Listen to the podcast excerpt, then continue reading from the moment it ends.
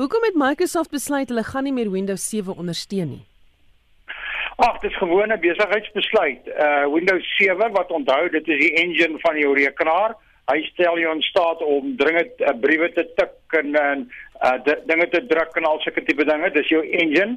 Hy's al meer as 10 jaar oud en soos 'n yskas wat 10 jaar oud is, het die verskaffer in die geval uh Microsoft net eenvoudig gesê hy is nou uh te oud. Hy is te moeilik om te onderhou. Ons gaan nie meer uitbreidings doen op hom nie. Julle moet nou maar ons nuutste yskas, ons nuutste engine wat Windows 10 is, aanskaf. So uh, dit is gewoon dink ek 'n besigheidsbesluit, ekonomiese besluit. Is 'n ou produk en uh, daar is 'n nuwere produk en ons gaan nou maar hierdie ou produk uitfaseer, maar dit kos ons te veel om hom aan die gang te hou. So wat staan verbruikers nou te doen in die geval? Nou kom ons kyk net eers wat is die risiko's. Jou jou rekenaar gaan nie van vanoggend af nie werk nie. Dan word as jy Windows 7 het, as jou bedryfstelsel gaan jou rekenaar gewoon werk. Uh maar jy maak jouself oop vir baie risiko's in die sin dat uh, Microsoft gaan nie meer uh, verbeterings aanbring aan hom nie want hulle het hierdie nuwe produk Windows 10 wat hulle sê gaan toontoe, maar die groter risiko vir die vir die gebruiker van my en vir jou en vir enige besigheid en terloops hulle sê daar's nog 30% van die rekenaars in Suid-Afrika gebruik nog Windows 7, so hy's 'n baie baie gewilde bedryfstelsel. Windows ehm um, en Microsoft gaan nou nie meer die foute wat wat hulle ontstaan onthou. Jou bedryfstelsel is 'n ongelooflike stuk groot stuk programmatuur. Daar's foute in. Toe hy geskryf is, het hy foute. En as die fout uitgevind word, dan kom Microsoft en hulle hulle ontwikkel 'n stukkie programmatuur, 'n stukkie program wat die fout regmaak. Hulle sit 'n pleister daarop. En uh, dan as die kubermisdadiger of die kuberrot daai gat kon gebruik het, dan maak hulle hom toe. Nou sê um, uh, Windows, Microsoft, ons gaan nie meer die gate toemaak nie. So as 'n kubermisdadiger of die kuberrot nou uitvind, daar's 'n manier hoe hy jou Windows 7 bedryfstelsel kan infiltreer, jou data steel, jou geld steel of wat ook al, dan gaan uh, Windows nie meer daai gat toemaak nie. So jy stel jou oop vir groot risiko's deur voort te gaan om dit te gebruik. Hm. Daar um, is gerugte dat daar binnekort 'n supervirus losgelaat gaan word. Wel, dis natuurlik 'n ongelooflike geleentheid vir die kubermisdadiger.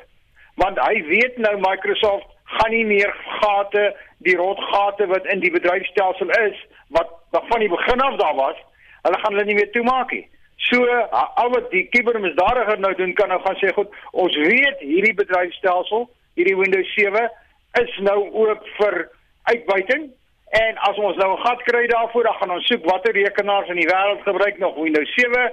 Ons weet daar's 'n gat in die in die bedryfstelsel, 'n kwesbaarheid en ons gaan dit uitbuit. Nou ek is ek gaan nie verbaas wees as daar dus so een of ander reuse ehm um, inisiatief kom as dit sou wil stel van die kubermisdadigers van die van die rottese kant af om te sê kom ons gaan soek hierdie gate. Ons weet hulle gaan nie reggemaak word nie en kom ons buit hulle uit. Hm. Sekere selfone gaan ook binnekort nie meer byvoorbeeld kan WhatsApp nie. Hou dit verband?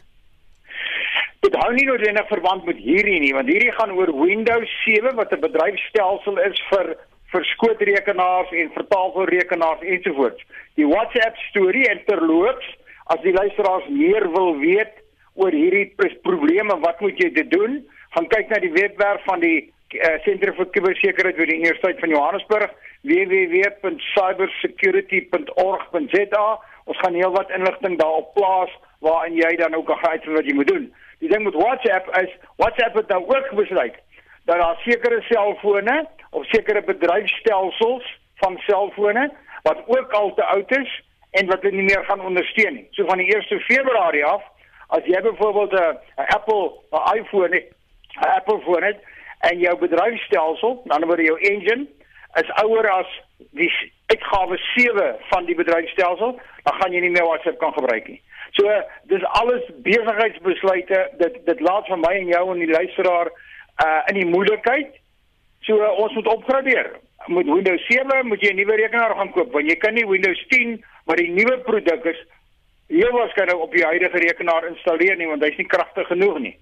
So uh, dit is 'n moeilike besluit maar die die WhatsApp probleem is ook as gevolg van verouderde toerusting en ons gaan dit maar met verloop van kry. Verkry, maar die Windows 7 is 'n groot probleem vir die gebruiker want as hy aangaan, dan stel hy hom groot ook tot baie baie groot risiko's. Basie, as mense nog inligting benodig, jy het meer inligting op julle webblad hieroor.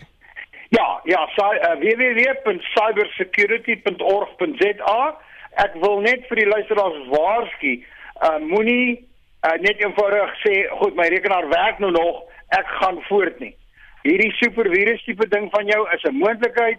Die kiberouens weet nou daai gate gaan nie meer toegemaak word nie en ek het geen twyfel dat hulle gaan 'n doelbewuste poging begin aanwend om nou die rekenaars te infiltreer en te misbruik nie.